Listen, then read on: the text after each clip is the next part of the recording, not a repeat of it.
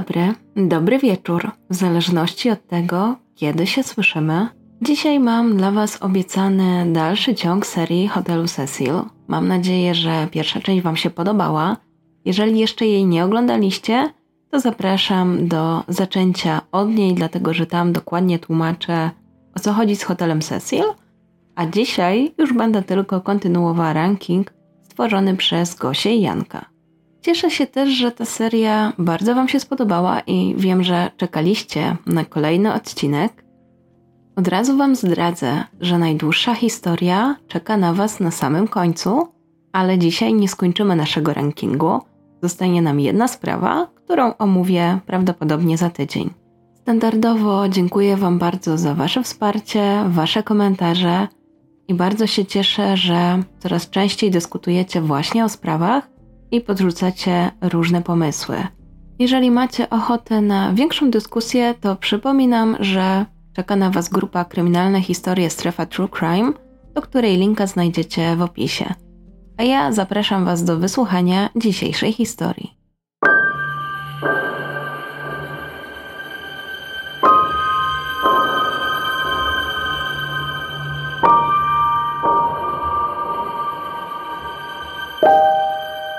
Nasz ranking, który składa się z dziewięciu spraw, zaczęliśmy od sprawy dziewiątej, czyli tej najmniej interesujących ze wszystkich, które Wam przedstawiam, według Gosi i Janka oczywiście.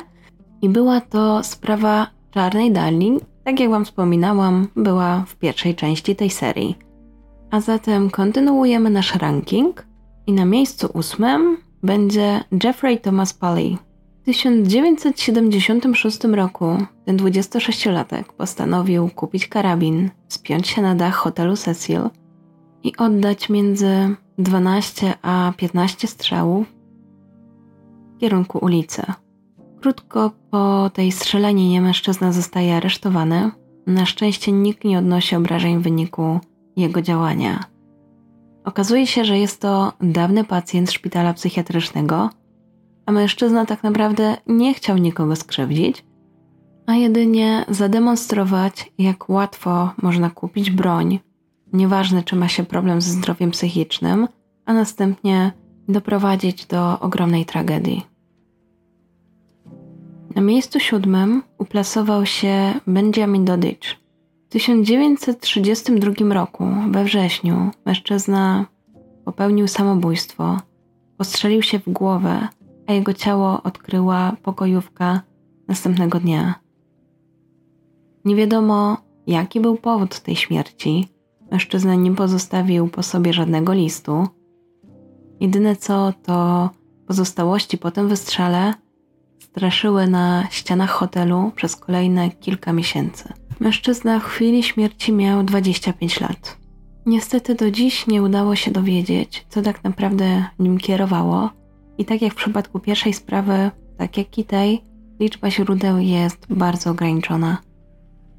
Na miejscu szóstym mamy Dorothy Jean Parcel. Dziwne wydarzenia w hotelu Cecil zaczynają się właściwie już tuż po jego zbudowaniu, ale po czterech latach od jego otwarcia dochodzi do pierwszego znalezienia martwego człowieka, który połknął tabletki wypełnione trucizną a w następnych latach mamy wiele samobójstw. Jednak nie było do tej pory żadnej dokumentacji morderstwa, aż do 1944 roku, dokładnie 17 lat po otwarciu hotelu. To właśnie wtedy wydarzyło się coś bardzo niepokojącego. Mianowicie młoda kobieta, dziewiętnastolatka o imieniu Dorothy, Przebywała w hotelu ze swoim chłopakiem, 38-letnim Benem Levinem. Była noc, oboje spali, gdy nagle kobieta obudziła się z niesamowitym bólem brzucha. Nie wiedziała, co ma robić, ale nie chciała budzić swojego chłopaka, więc poszła do łazienki. Wtedy łazienki znajdowały się na korytarzu, nie w pokojach. Gdy tam dotarła, okazało się, że właśnie zaczyna się akcja porodowa i sama urodziła małego chłopca. Kobieta oceniła stan dziecka i uznała, że chłopiec nie żyje, a więc niewiele myśląc, wyrzuciła go przez okno. Niestety dziecko wciąż żyło i w efekcie zostało zabite. Kobieta od razu została uznana za winną, ale ostatecznie uznano, że była chora psychicznie i zamknięto ją w szpitalu psychiatrycznym. To, co istotne, to to, że do tego dnia Dorothy nie wiedziała, że jest w ciąży. Czas na miejsce piąte i Pigeon Goldie albo Pigeon Lady. Pigeon Goldie to tak naprawdę Goldie Osgood, która została znaleziona martwa w swoim pokoju hotelowym 4 czerwca 1964 roku. Kobieta była emerytowanym telemarketerem i w dniu śmierci miała 79 lat. Jak mówiłam w pierwszej części, początkowo hotel miał być dla bogaczy, ale ze względu na umiejscowienie musiał się lekko przebranżować i skupić na innym kliencie docelowym. Wtedy też właśnie zaczęto wynajmować pokoje na dłuższy czas. I Goldie była jedną z takich osób, które przebywały w tym hotelu od bardzo dawna.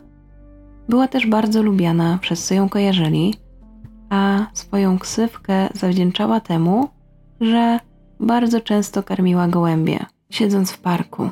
Od razu mi się kojarzy jedna scena z filmu, w którym również była taka pani, która karmiła gołębie. Pewnie wiecie, chodzi mi oczywiście o Kevina.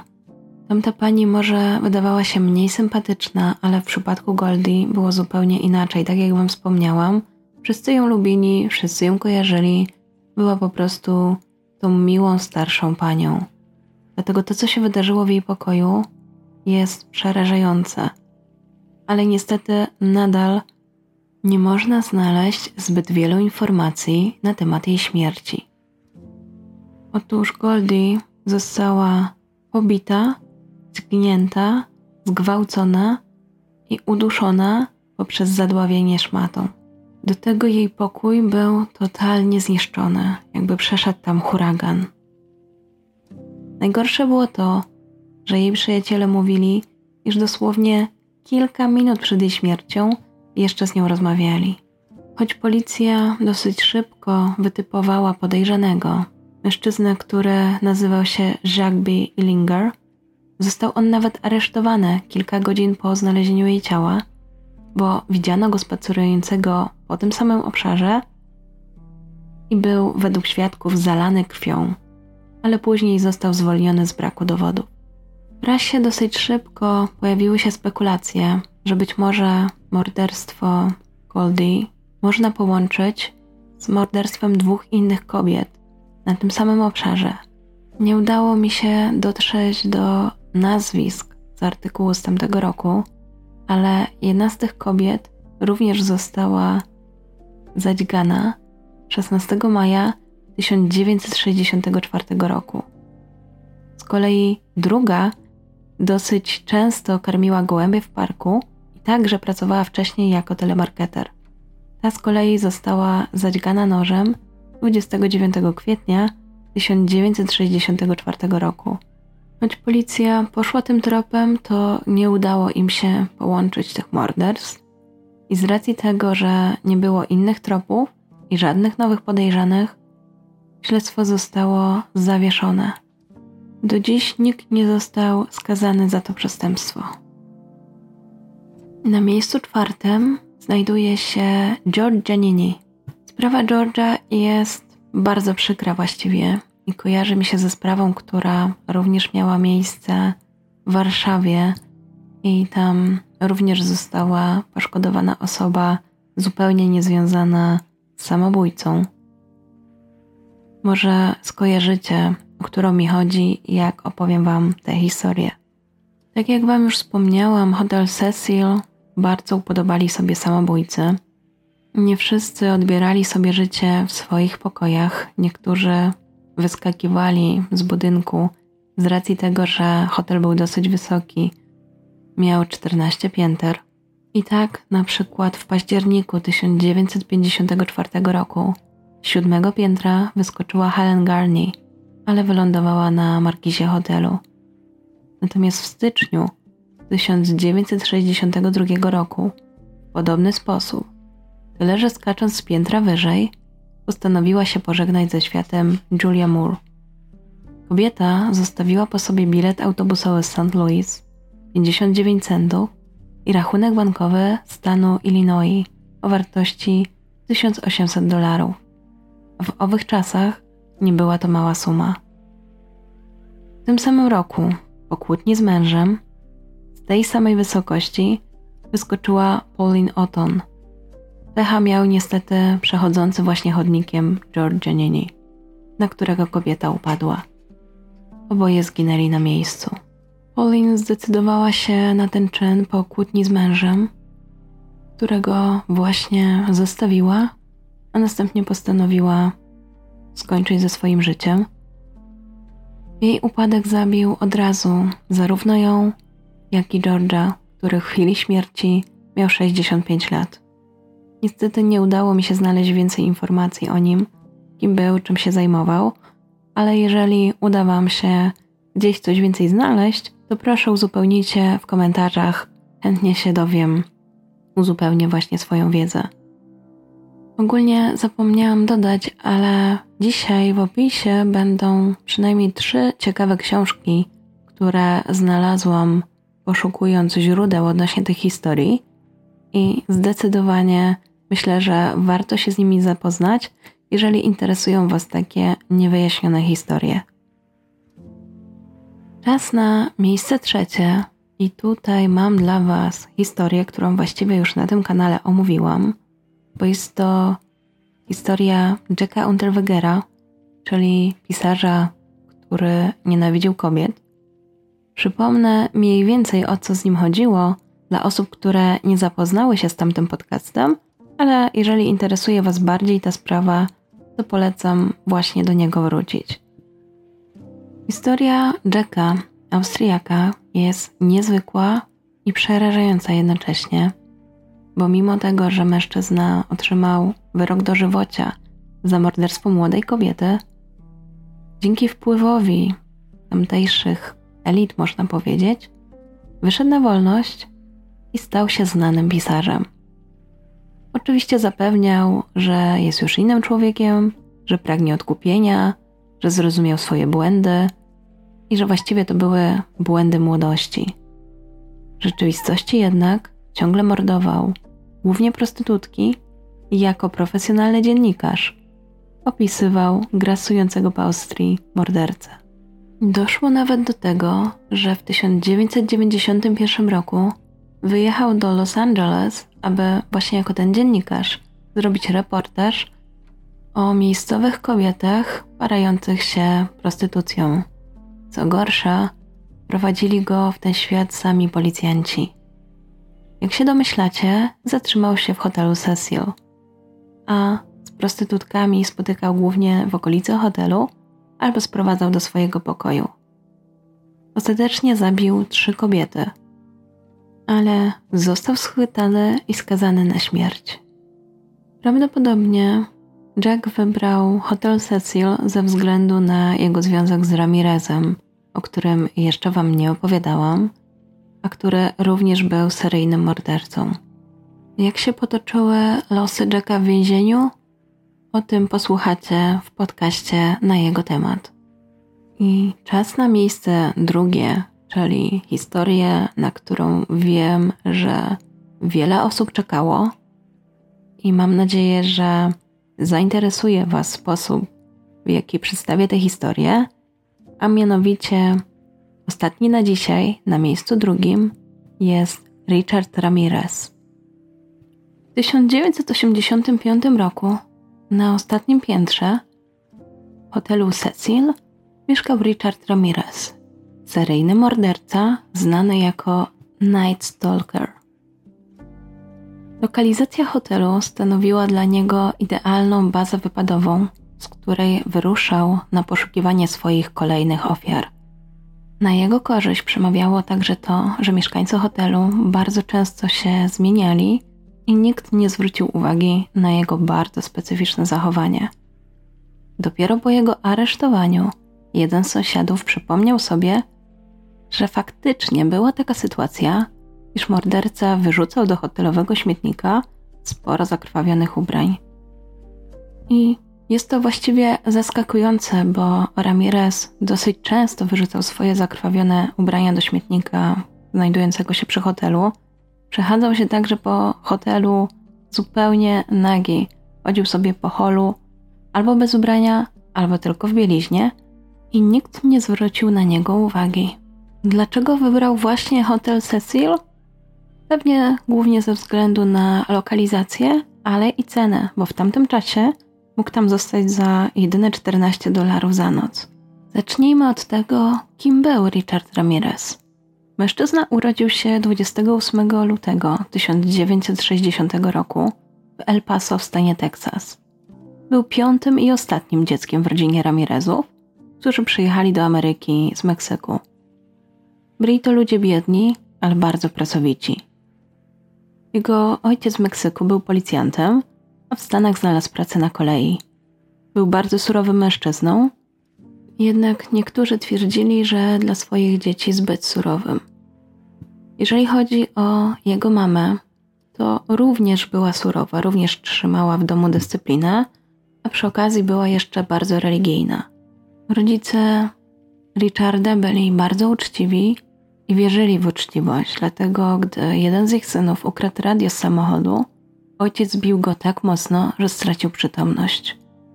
Mały Richard był cichym dzieckiem, mimo dosyć surowej atmosfery w domu. Uczył się całkiem dobrze, ale był nieśmiały, wycofany i raczej trzymał się z boku. Mimo tego robił wrażenie miłego i przyjaznego dziecka. Co ciekawe, miał powodzenie u dziewczyn i wszystkie się w nim podkochiwały. Szkoła była dla niego na tyle ważna, że przez sześć lat nie opuścił ani jednego dnia w szkole. Nie tylko dobrze się uczył, ale był także ceniony przez nauczycieli. Nie sprawiał żadnych kłopotów, właściwie był całkiem przeciętnym chłopcem. Wszystko się jednak musiało w końcu zmienić i zmieniło. W 1971 roku ze sprawą jego kuzyna Majka. Mężczyzna wrócił właśnie z Wietnamu, gdzie był komandosem. Bardzo imponował małemu Richardowi, zwłaszcza, że podczas wojny został odznaczony za odwagę. Ale myślę, że większość z Was wie, jak to jest z weteranami. Przeważnie wracają z bardzo trudnymi doświadczeniami, a to oddziałuje na ich psychice. I tak też się stało w przypadku Majka. Nie wiedzieć czemu postanowił podzielić się z chłopcem swoimi doświadczeniami z Wietnamu, a nie były one odpowiednie dla dziecka. Nie powinno tego słuchać żadne dziecko. Mężczyzna dla zabawy zabijał wietnamskie kobiety. Przywiązywał je do drzew, gwałcił, a potem mordował. Co gorsze, początkowo fotografował przerażone ofiary, delektował się ich strachem. I żeby to udowodnić, przywiózł z Wietnamu cały karton takich zdjęć. Nie szczędził Richardowi żadnych szczegółów. Opowiadał o każdym rodzaju przemocy, o wszystkich okrucieństwach. Postanowił mu także przekazać swoje umiejętności. Między innymi nauczył go, jak ukrywać się w ciemnościach.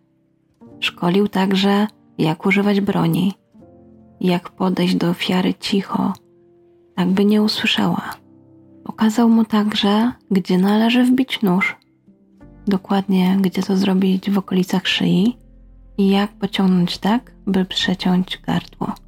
Zanim jednak zaczął wykorzystywać te sztuczki, dokonywał drobnych wykroczeń, a także używał fałszywych dokumentów tożsamości, brał narkotyki i włóczył się po barach Kalifornii, zawsze ubrany na czarno. Pod wpływem narkotyków bardzo często wprowadzał się w satanistyczny trans.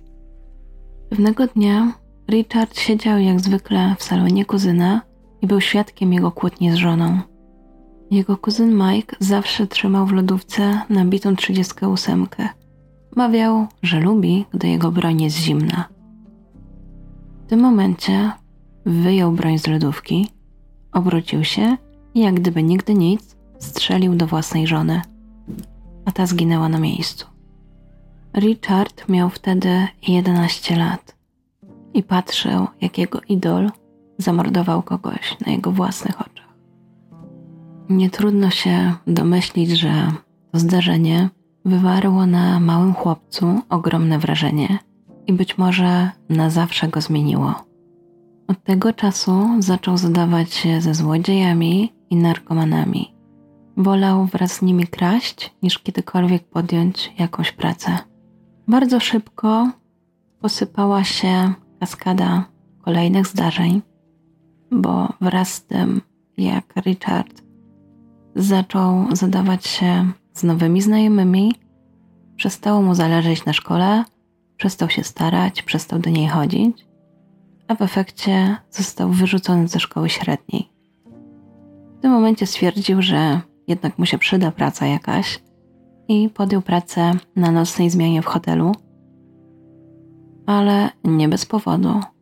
Jego celem tak naprawdę była kradzież kluczy, a potem włamywanie się do pokoi śpiących gości. Podczas jednego z takich włamań zauważył piękną kobietę. Otworzył drzwi, wszedł do jej pokoju. Akurat ta brała prysznic. Kiedy wyszła z łazienki, zaszedł ją od tyłu, zakrył dłonią jej usta, powalił na podłogę i zaczął gwałcić. Na całe szczęście w tym momencie wrócił mąż kobiety, który wyszedł tylko przeparkować wóz i kupić coś do jedzenia. Ramirez był szczupłym i wątłym mężczyzną, więc przy potężnym mężu kobiety nie miał szans. Mężczyzna bardzo dotkliwie go pobił, a następnie wezwał policję. Richard został aresztowany, ale nie postawiono mu zarzutów. Nie wiem dlaczego, być może kobieta nie chciała składać zeznań. Następnie przekazano go rodzicom, a ci stwierdzili, że nie chcą mieszkać z takim przestępcą i wyrzucili go z domu. Następne lata to życie z kradzieży i handlu narkotykami. Gdy obecna sytuacja zaczęła mu przeszkadzać, Richard postanowił wyjechać do Los Angeles. Tam trafił do owianej złą sławą dzielnicy, której przestępczość była na porządku dziennym. Znajdowali się tam złodzieje, kryminaliści, zboczeńcy czy handlarze narkotyków. I to właśnie tam postanowił osiąść na stałe. To tam znalazł dom. Był już wtedy bardzo mocno uzależniony od kokainy, więc kradł co tylko mógł, aby zaspokoić swoje pragnienie narkotyków. Strzykiwał, łykał i palił kokainę, a ta zaostrzała jego psychozę. Prawdopodobnie cierpiał na jakieś problemy psychologiczne, a po narkotykach było jeszcze gorzej. Do tego, tak jak Wam wspomniałam, był opętany satanizmem. Był także zagorzałym fanem muzyki heavy metalowej. Później twierdził, że to ona mówiła mu, jak żyć, jak działać. Świat mrocznych fantazji, którym miało być dużo okrucieństwa, dominacji i sadyzmu bardzo go pociągał. Jego kradzieże w końcu przestały uchodzić mu na sucho i gdy zdecydował się na kradzież samochodu, został aresztowany. Jego zdjęcie i odciski palców znalazły się w kartotekach policji. W efekcie spędził też pół roku w więzieniu. Po wyjściu z więzienia jego działalność przestępcza zaczęła rozkwitać. Do niedawna uważano, że historia jego zbrodni zaczyna się 28 czerwca 1984 roku. Jednak po latach wyszło na jaw, że jest sprawcą makabrycznego rytualnego morderstwa, którego dokonano na dziewięcioletniej dziewczynce 10 kwietnia 1984 roku. May Long zeszła do piwnicy by poszukać jednodolarówki, którą wcześniej zgubił jej brat. Po pół godzinie, gdy dziewczynka nie wracała, bardzo się o nią zaniepokoił. Postanowił zejść do piwnicy i sprawdzić, dlaczego tak długo nie wraca. To, co zobaczył, na zawsze odmieniło jego życie. Jego siostra wisiała na rurze na ścianie i wyglądała, jakby ktoś się ukrzyżował. Jej stopy znajdowały się kilka centymetrów nad ziemią. Od razu zauważono, że jej śmierć wygląda na rytuał satanistyczny, ale sprawcy wtedy nie odnaleziono. Dopiero rozwój medycyny sądowej i rok 2009 dał odpowiedź rodzinie małej May. Okazało się, że to Ramirez był sprawcą jej śmierci. 28 czerwca dokonał drugiej zbrodni, którą wcześniej uważano za jego pierwszą zbrodnię. W Los Angeles włamał się do domu 79-letniej Jenny Winkow przez uchylone okno. Zgwałcił starszą panią i poćwiartował. Jej ciało znalazł jej syn. Jej gardło było tak podcięte, że ewidentnie ktoś wielokrotnie dźgał ją tam nożem. Policja była wstrząśnięta tym odkryciem, ale wiedzieli, że to dopiero początek.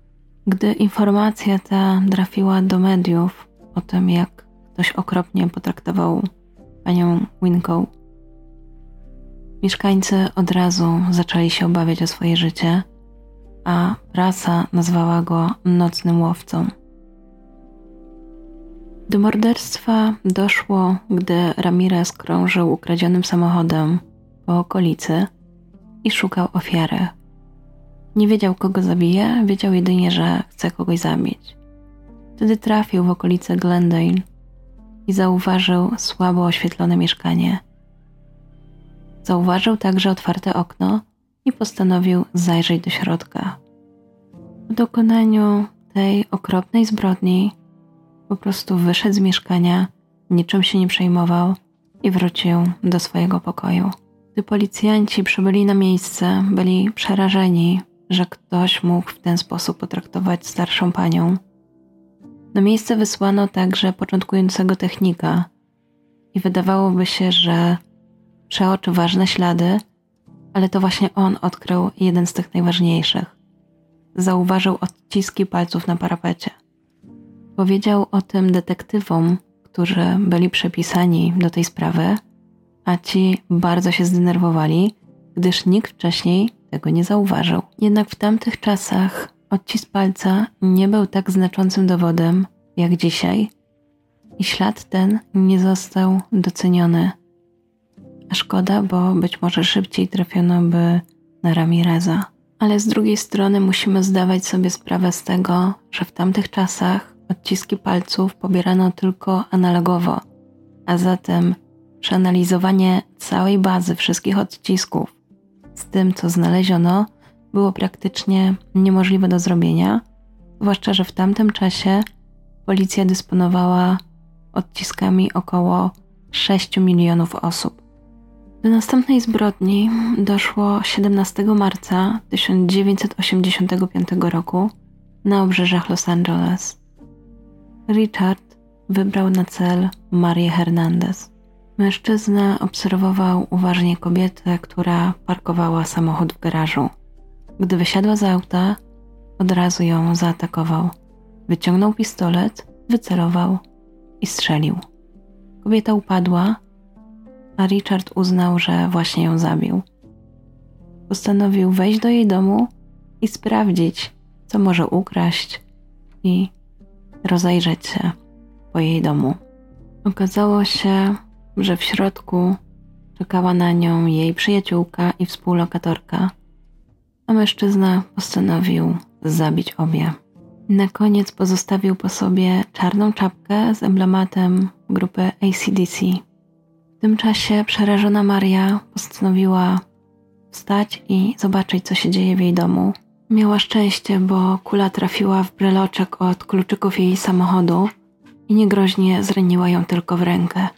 Ale to, co zobaczyła w swoim domu, załamało ją, gdyż dwie najbliższe jej osoby leżały w kałuży krwi, a mordercy już nie było. W tym czasie Richard postanowił poszukać kolejnej ofiary i po godzinie miał już taką Tsai Lian Yu, nie wiem czy dobrze wymówiłam, jeżeli źle to przepraszam, jechała w tym czasie samochodem niedaleko parku, gdy jakiś mężczyzna zmusił ją do zatrzymania samochodu. Następnie wyciągnął na ulicę, nazwał dziwką i z zimną krwią zastrzelił. Na ten moment policja dysponowała jedynie portretem pamięciowym stworzonym przez Marię. Wiedzieli, że szukają wysokiego, szczupłego mężczyzny o ciemnej karnacji, prawdopodobnie Hiszpana, ale nie było żadnego punktu zaczepienia. Do kolejnego ataku doszło 10 dni później. Tym razem zaatakowane zostało małżeństwo, państwo Zezara w ich własnym domu. Następnego ranka ciała rodziców znalazł ich syn. Mężczyzna został zabity strzałem w głowę, gdy spał. Z kolei ciało jego żony zostało w sposób bardzo okropny zmasakrowane, a na jej twarzy wycięto różne znaki. Do tego kobieta miała wydłubane oczy, a w jej lewej piersi tkwił nóż. Miała rany na szyi, twarzy, brzuchu i wokół wejścia do pochwy. Na miejscu zbrodni śledczy znaleźli jedynie odciski tenisówek.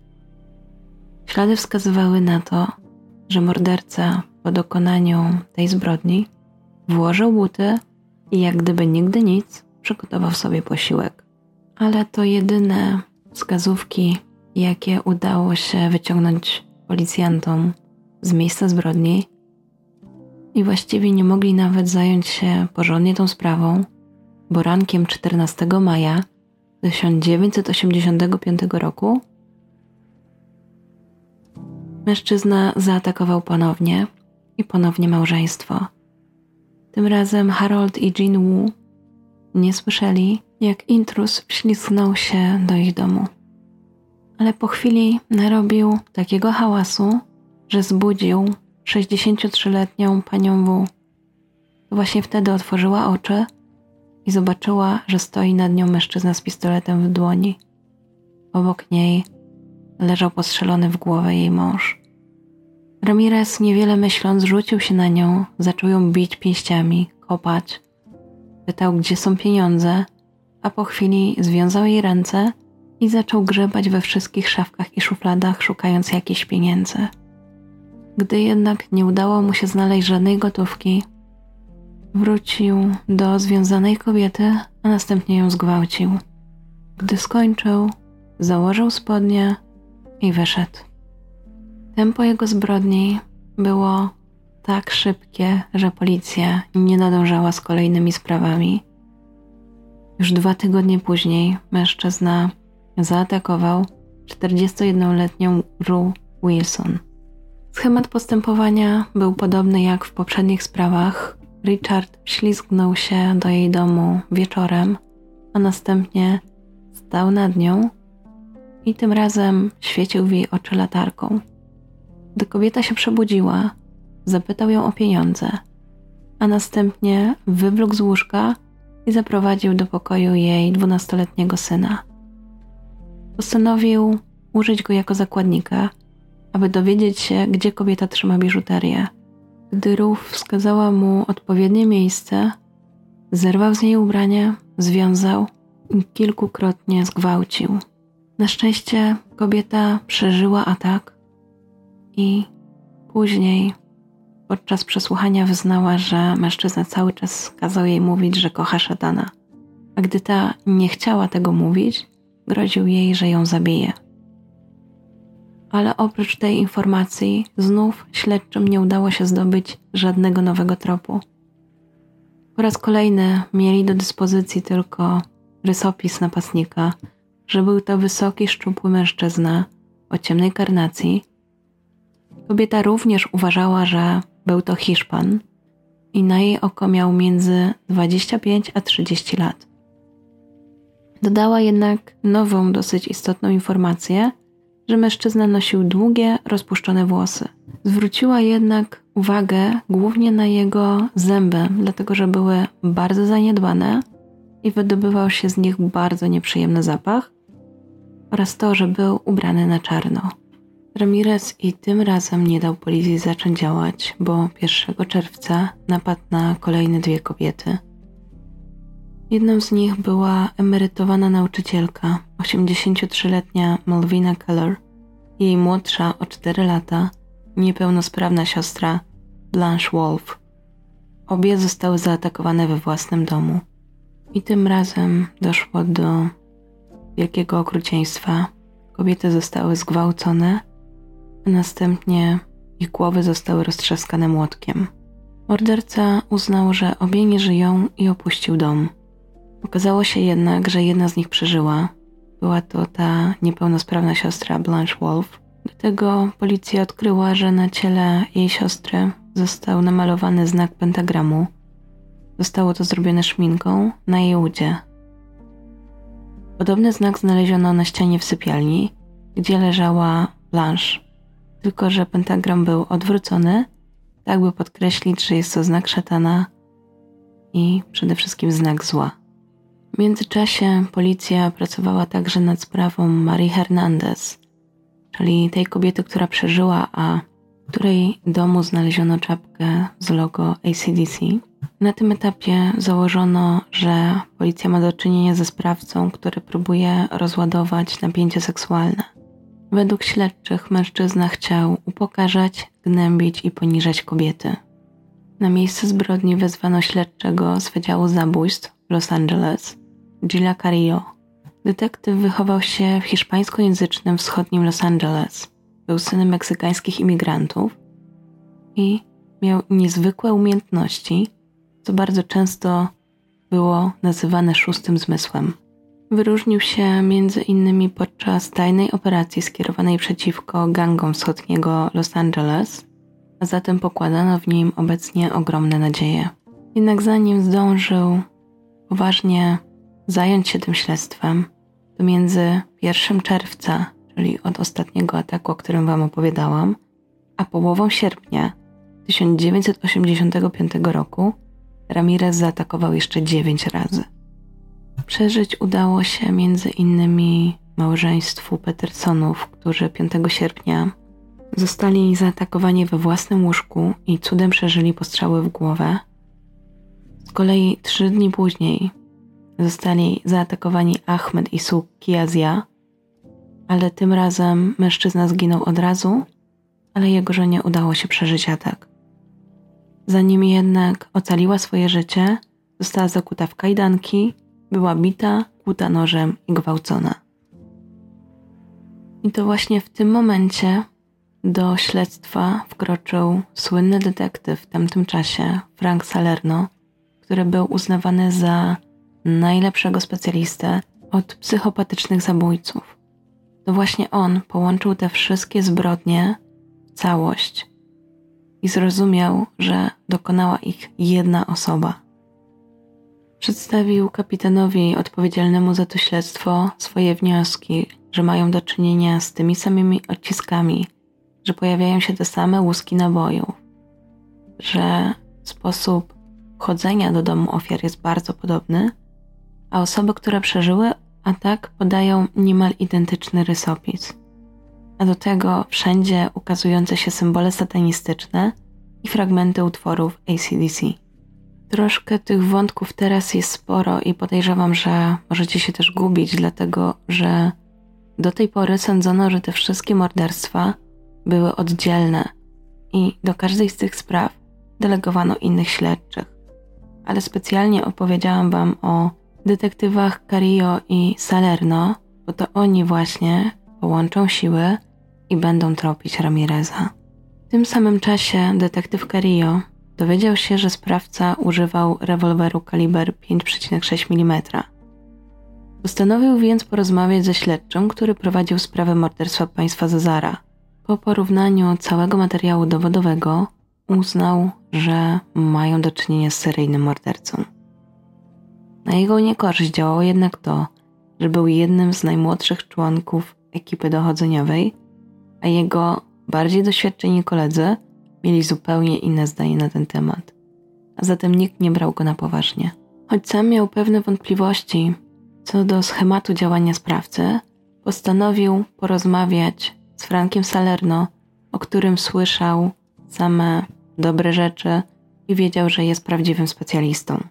Zasłynął między innymi dzięki temu, że w latach 70. pracował nad sprawą dusicieli ze wzgórz. Choć początkowo sam był sceptyczny, zanim zapoznał się z tą sprawą, to po przeanalizowaniu wszystkich dowodów, jakie przedstawił mu Carillo, coraz bardziej zaczynał wierzyć w jego wersję i potwierdził ją ostatecznie, że mają do czynienia z jednym seryjnym mordercą. To właśnie wtedy Salerno przekazał informację kapitanowi i dzięki temu stworzyli zespół, który miał się składać z najlepszych detektywów Los Angeles. W tym czasie działa się też kolejna bardzo pomocna rzecz. Otóż eksperci z Departamentu Sprawiedliwości w Sacramento kończyli właśnie wpisywanie danych do komputerowego rejestru odcisków palców. Zanim jednak policja miała z tego skorzystać, musiała zająć się innymi tropami. Łącznie do sprawy przydzielono ponad 200 oficerów śledczych. Była to największa w historii grupa pracująca nad schwytaniem seryjnego mordercy. Do akcji włączyło się także FBI. Obserwowano miejsca spotkań satanistów i popierano odciski butów. Wśród nich udało się trafić na odcisk butów marki Reebok rozmiar 11.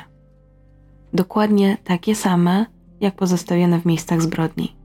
Śledczy postanowili wykorzystać te informacje i przekazać w jakiś sposób mordercy, że są blisko, że trafili na jego ślad, a zatem zdecydowano, że o swoim odkryciu poinformują prasę.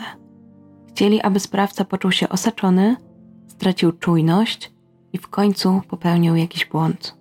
Jak zwykle przy takich sprawach rozdzwoniły się telefony.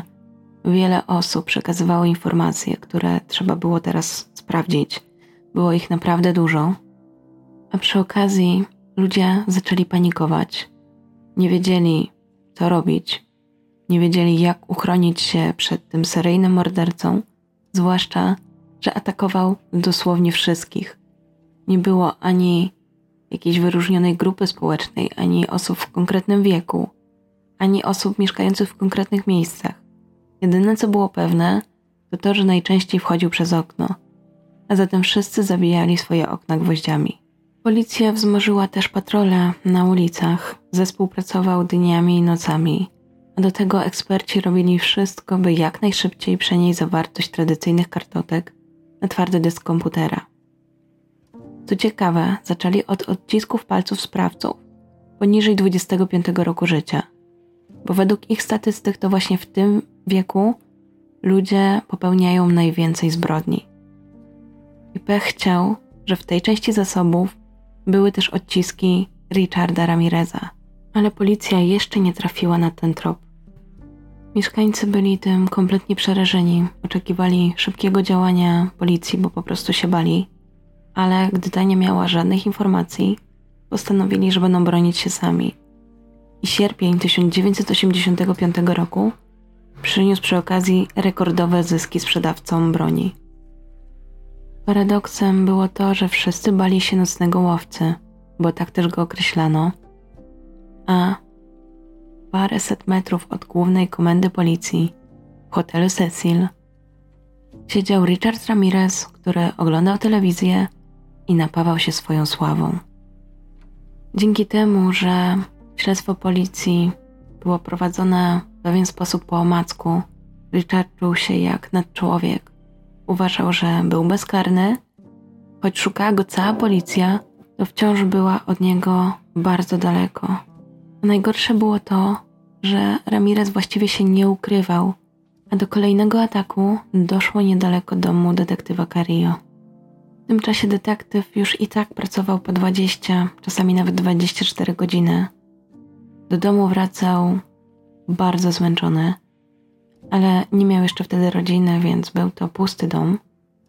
Mimo wszystko to śledztwo było tak trudne i wyczerpujące, że ledwo dawał radę nie tylko psychicznie, ale także fizycznie. Jako młody detektyw angażował się także bardzo emocjonalnie w to wszystko – w efekcie doprowadził do tego, że był na skraju załamania nerwowego. Między innymi sypiał z bronią, czego nigdy wcześniej nie robił, ale sam obawiał się o swoje życie i swoich sąsiadów. Ale po tych zbrodniach w sierpniu na chwilę zrobiło się cicho, zrobiło się spokojnie w Los Angeles. I jak się później okazało, była to cisza przed burzą, dlatego że Ramirez pojechał do San Francisco. 18 sierpnia 1985 roku skradzionym samochodem pojechał do hotelu w San Francisco i zastrzelił starsze chińskie małżeństwo 66-letniego Petera Pan i jego 62-letnią żonę Barbarę.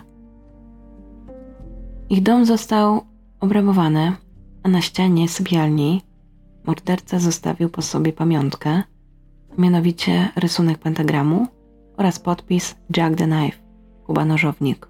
Nie znaleziono jednak żadnych odcisków palców, ani materiału pozwalającego uzyskać profil DNA. Jedynymi dowodami na miejscu zbrodni były łuski po pociskach oraz odciski buta.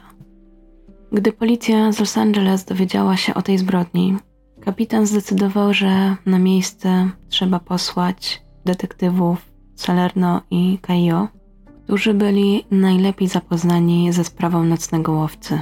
Ale zanim zdążyli porządnie rozejrzeć się po miejscu zbrodni, ich pracę bardzo naruszyła obecna pani burmistrz Diane Feinstein. Niestety postanowiła wykorzystać te zbrodnie jako zagranie polityczne i na konferencji prasowej ujawniła informacje, które nigdy nie powinny przedostać się do opinii publicznej na tym etapie śledztwa. Między innymi o odciskach butów. A że jak już Wam wspominałam, Ramirez bardzo często śledził informacje podawane w mediach, to bardzo szybko pozbył się tych butów wraz ze swoją bronią, utapiając je w zatoce San Francisco. Ale w końcu szczęście uśmiechnęło się do policji. Nastąpił przełom, o którym wszyscy marzyli. Gdy pewnego wieczoru nastolatek naprawiał swój motor, zauważył mijającą go pomarańczową furgonetkę. Nie wiedział jeszcze wtedy, że przez krótką chwilę spoglądał w oczy seryjnego mordercy. Akurat tej nocy Ramirez postanowił zaatakować kilka domów dalej. Wszedł do przypadkowego domu, standardowo zestał śpiących właścicieli, na miejscu zastrzelił mężczyznę, a kobietę wyciągnął z łóżka i krzyczał do niej, żeby powiedziała policji, iż jest to dzieło nocnego łowcy. Następnie zgwałcił ją i wyruszył na poszukiwanie kolejnych ofiar. Nie wiedział jednak, że tym razem był przez kogoś obserwowany, a dokładniej przez nastolatka, którego wcześniej minął. Nastolatek nie do końca wiedział, co zrobić, ale zapisał numery rejestracyjne samochodu Ramireza i następnie przekazał o tym informację swoim rodzicom, a ci jak najszybciej wybrali się z nim na policję. Richard powoli zaczął odczuwać, że policja siedzi mu na ogonie, dlatego postanowił porzucić samochód i kupić bilet autobusowy do Arizony. W tym czasie policja z Los Angeles wszędzie szukała jego samochodu i w końcu udało się na niego trafić. Od razu przekazano go odpowiednim technikom, którzy zabezpieczyli ślady i sprawdzali wszystkie zakamarki, aż w końcu udało się trafić na to, czego tak długo szukali odcisk palca. W tym czasie jeszcze ten system odcisków palców nie był gotowy, ale śledczy wystąpili z prośbą o to, aby porównać ten znaleziony odcisk z tą bazą, która była już wprowadzona. Nie była to łatwa decyzja, dlatego że z jednej strony mogło się udać i wykazać, że ten system jest bardzo dobry, albo z drugiej mogło się wydać, że ten system jest bardzo zły. Ale ostatecznie postanowiono przeprowadzić pierwszy test systemu. W tym czasie Ramirez potrzebował gotówki i postanowił sprzedać biżuterię, którą ukradł w domu państwa pan. Mężczyzna, który odkupił ją od niego, podarował ją swojej dziewczynie. Ale gdy parę dni później prasa opublikowała zdjęcia przedmiotów, które zostały ukradzione z domu państwa pan, od razu zawiadomił policję. Dzięki temu udało się ustalić, że osobą, która sprzedała mu biżuterię, był Richard Ramirez. Ale na ten moment policja dysponowała tylko imieniem i nazwiskiem, a po wpisaniu do bazy tych danych okazało się, że znajdują się tam setki osób o tym nazwisku. Dlatego następnego ranka zdecydowano się na przeprowadzenie testu nowego systemu identyfikacji odcisków palców i porównano odcisk, który znaleziono w pomarańczowej furgonetce z bazą, którą już stworzyli technicy. Okazało się, że było trafienie. Odcisk ten zostawił Richard Ramirez. W końcu, po wielu miesiącach trudnego śledztwa, policja miała nazwisko seryjnego mordercy, a wkrótce wiedziały o nim miliony Amerykanów. Wydawało się, że teraz to już jest kwestia czasu, aby złapać mężczyznę. Po całym Los Angeles byli rozstawieni tajni agenci we wszystkich możliwych miejscach, gdzie mógł się pojawić i czekali.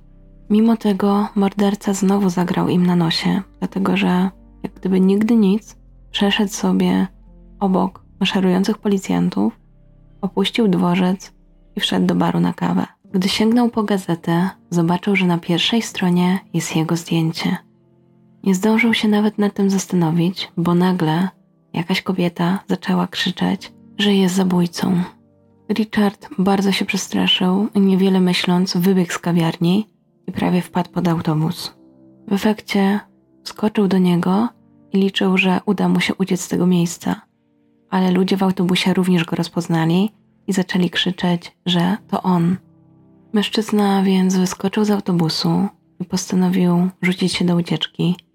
Przebiegł ponad 3 kilometry, kierował się do wschodniej dzielnicy Los Angeles, gdzie ponownie próbował ukraść samochód. Ale nie przyszło mu to tak łatwo, bo kobieta, której próbował ukraść ten samochód, zaczęła krzyczeć, a wtedy z za domu wybiegł jej mąż i zaczął uderzać napastnika metalową rurką. Ramirez ponownie rzucił się do ucieczki, ale tym razem pobiegł za nim jeden mężczyzna, a po chwili dołączyli kolejni. W efekcie gonił go prawie stuosobowy tłum. Ludzie bardzo szybko się zorientowali, że to nocny łowca i patrząc na to, jak policja bardzo długo nie mogła go schwytać, chcieli wymierzyć mu sami sprawiedliwość. Ktoś krzyczał, aby dać mu pistolet i chciał odebrać mu życie.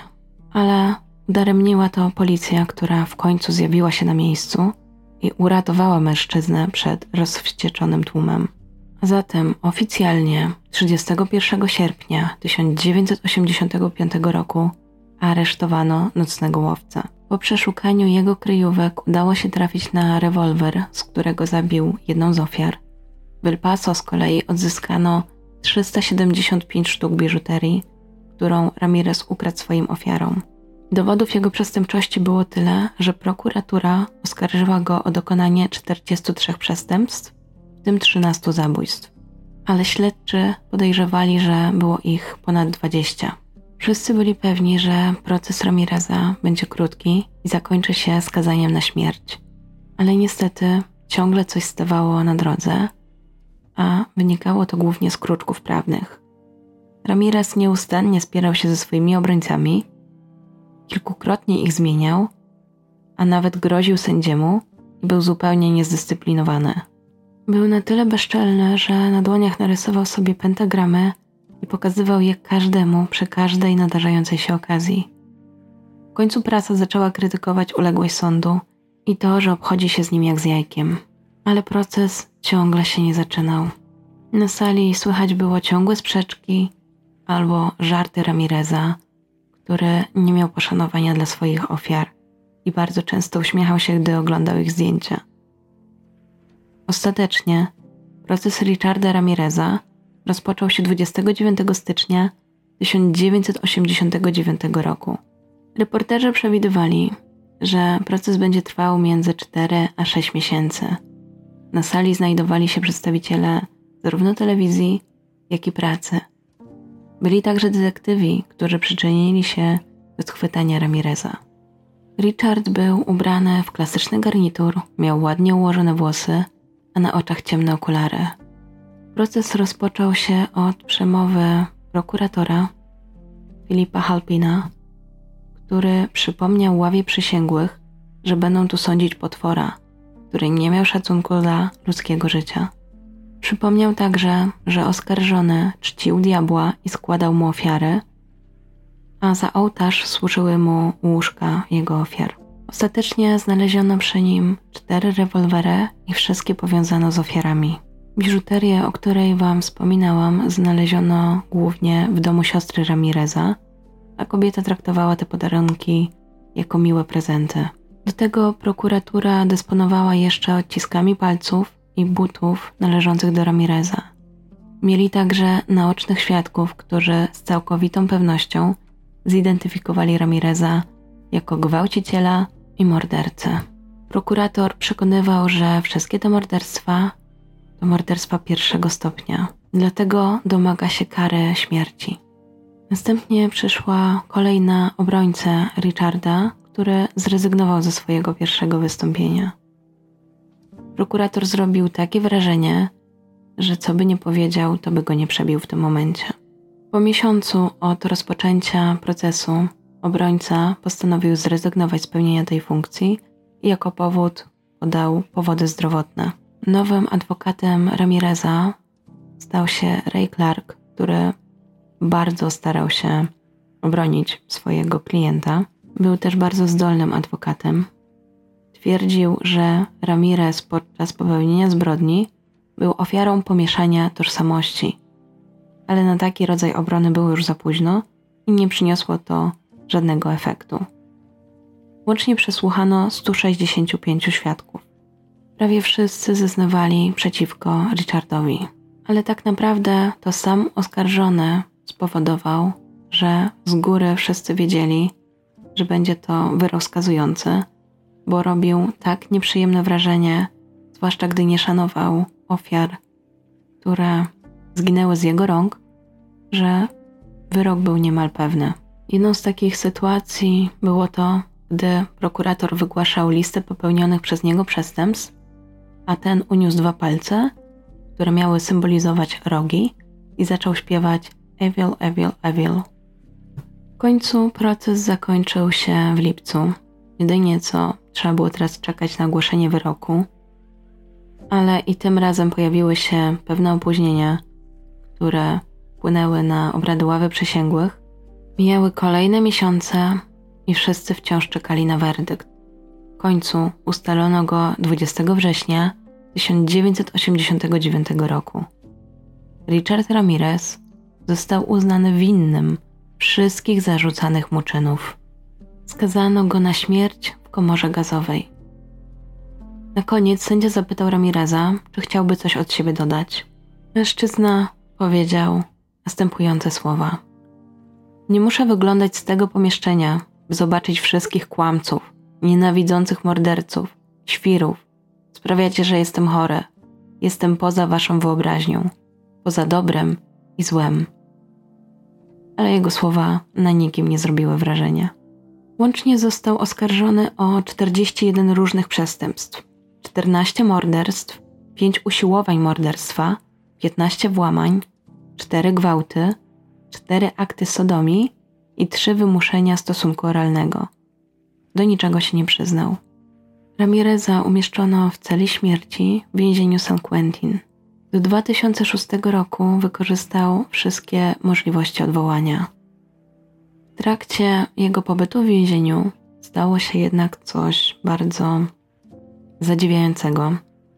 Otóż nawiązała z nim kontakt była dziennikarka Doreen Leoy, która zawarła z nim korespondencyjną znajomość, a w 1996 roku wzięła z nim ślub. Kobieta wypowiadała się w ten sposób. Jestem bardzo szczęśliwa i dumna, że zostałam żoną Richarda. Jak się pewnie domyślacie, ten ślub oburzył rodzinę ofiar Ramireza. Pojawił się bunt z ich strony i pytania, dlaczego mu na to pozwolili, że nie powinien mieć żadnych praw i nie powinien absolutnie mieć możliwości wzięcia tego ślubu ale według prawa Kalifornii miał taką możliwość i z tego skorzystał.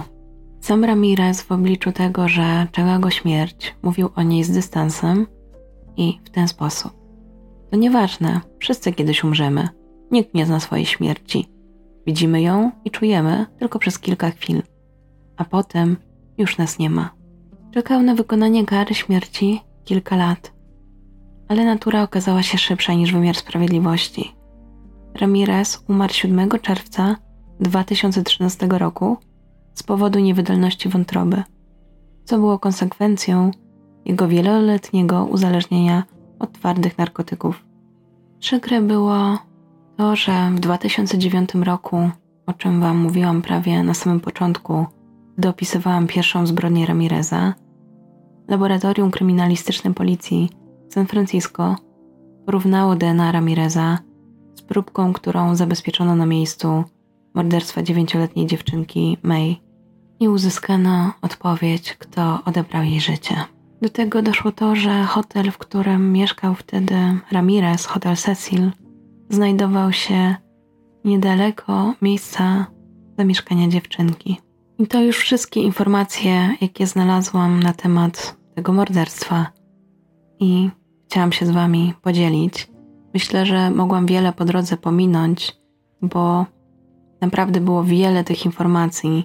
Nie chciałam Was aż tak zarzucić tymi wszystkimi szczegółami, bo myślę, że i tak po drodze można było się zgubić, ale myślę, że mniej więcej sens i motyw zbrodni Ramireza poznaliście. Jeżeli uważacie, że coś warto uzupełnić, to piszcie śmiało w komentarzach. Jestem też ciekawa, co wy sądzicie o tym rankingu i czy może inaczej byście uporządkowali te sprawy. Tak jak wspominałam, to jest ranking Gosi i Janka, ale to nie znaczy, że nie można mieć innego zdania, więc jestem ciekawa waszego. Za tydzień usłyszycie o sprawie z miejsca numer jeden. Myślę, że się domyślacie, jaka to będzie sprawa, ale jeżeli nie, no to dowiecie się w następnym odcinku z tej serii. Jak dobrze pójdzie, słyszymy się jeszcze w weekend. Mam nadzieję. Bardzo Wam dziękuję za dzisiaj, za wysłuchanie i Wasze komentarze. Mam nadzieję, że się trzymacie i jakoś radzicie w tym trudnym okresie. Miłego dnia Wam życzę, dobrej nocy, do usłyszenia.